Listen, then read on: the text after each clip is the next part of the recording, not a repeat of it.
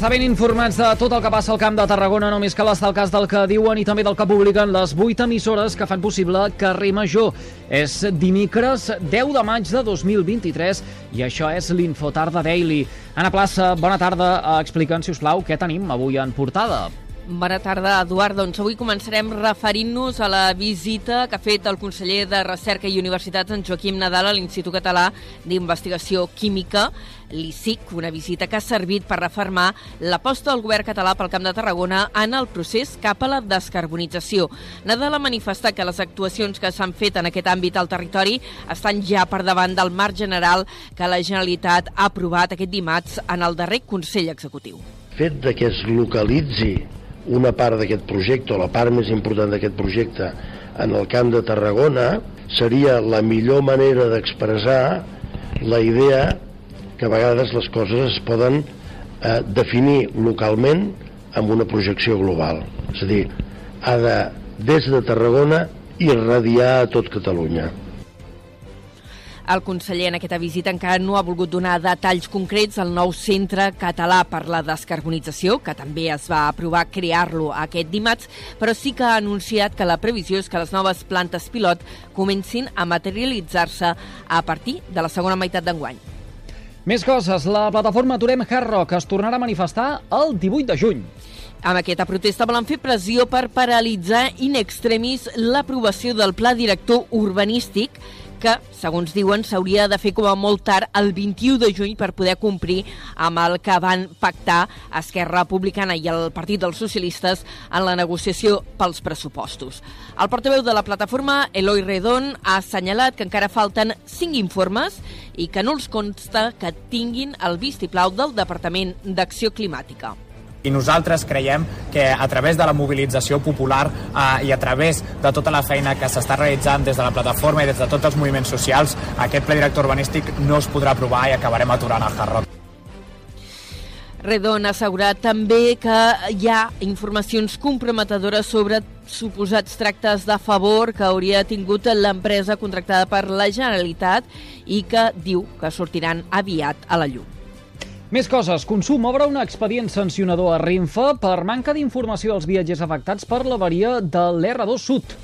Uh, considera que hi hauria infraccions tipificades com a molt greus que podrien comportar multes d'entre 100.000 i un milió d'euros. Fa una setmana, eh, de fet, des de l'inici de les incidències en el servei de Rodalies i també de regionals, que Consum ha desplegat inspectors a diverses estacions, a les de Sants i Passeig de Gràcia a Barcelona, però també a Tarragona, Reus o l'Aldea Amposta Tortosa. L'objectiu és que Renfe complís les obligacions d'informació als consumidors i que prengués mesures per minimitzar les conseqüències de les incidències.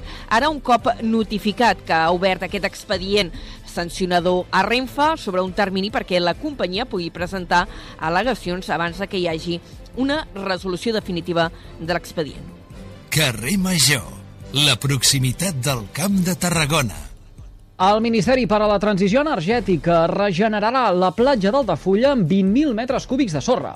Ho ha anunciat avui la subdelegació del govern. Es tracta d'una actuació d'emergència. Els treballs començaran ja a la setmana vinent, de fet el dia 15 de maig, es preveu que durin un mes.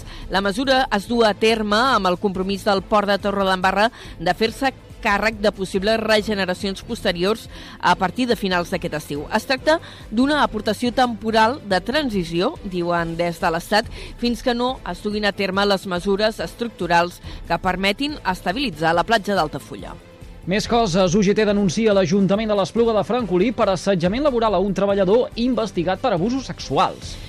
El síndic considera que s'han obert expedients disciplinaris sense que s'hagin eh, constatat, diu, conductes sancionables tot i que la Fiscalia demana 18 anys de presó per aquest treballador que està acusat, com dèiem, d'abusos sexual.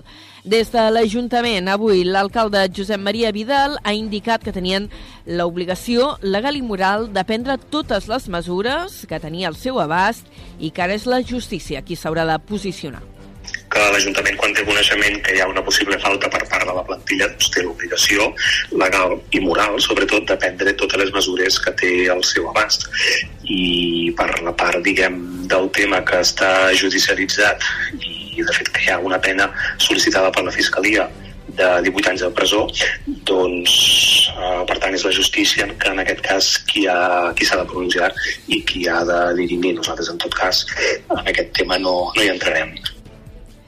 I encara una altra notícia de l'àmbit laboral. La plantilla d'Aragonès Transports de Constantí denuncia l'impagament de quatre nòmines. Els treballadors lamenten, diuen, la pèssima gestió de l'empresa que consideren que està abocada al tancament.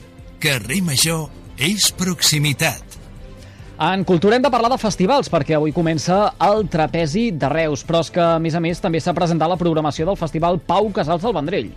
Un eh, certamen que enguany celebrarà els 50 anys de la mort del mestre apostant per la participació de músics joves i també d'artistes de referència com Zuckerman, Gode, Perenni i l'estrena de l'espectacle El Carnaval dels Animals. El certamen, que és un dels referents de la música clàssica al territori, començarà el 7 de juliol i s'allargarà fins al dia 22 d'aquell mes. Carrer Major fent camp de Tarragona.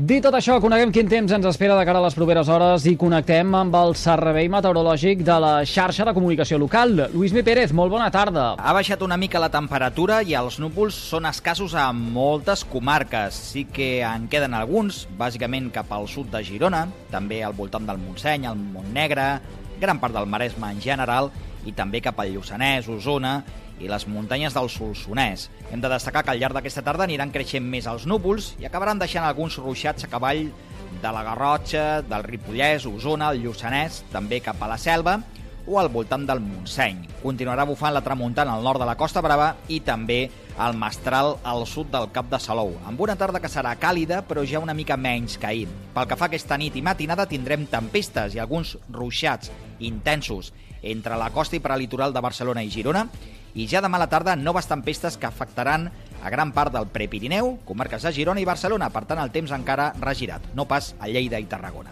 Ho anirem seguint a la xarxa. Gràcies. Ara sí, doncs ho haurem de deixar aquí. Ana passa Mercès també per aquesta pinzellada informativa amb el més destacat de la jornada al Camp de Tarragona. Que vagi bé, reveure. Fins ara, adeu-siau. I tots vostès poden recuperar l'Infotarda Daily d'aquest dimecres 10 de maig des de les xarxes socials i també els serveis de ràdio a la carta a les 8 emissores que cada tarda passegen plegades pel carrer Major. Gràcies per seguir-nos.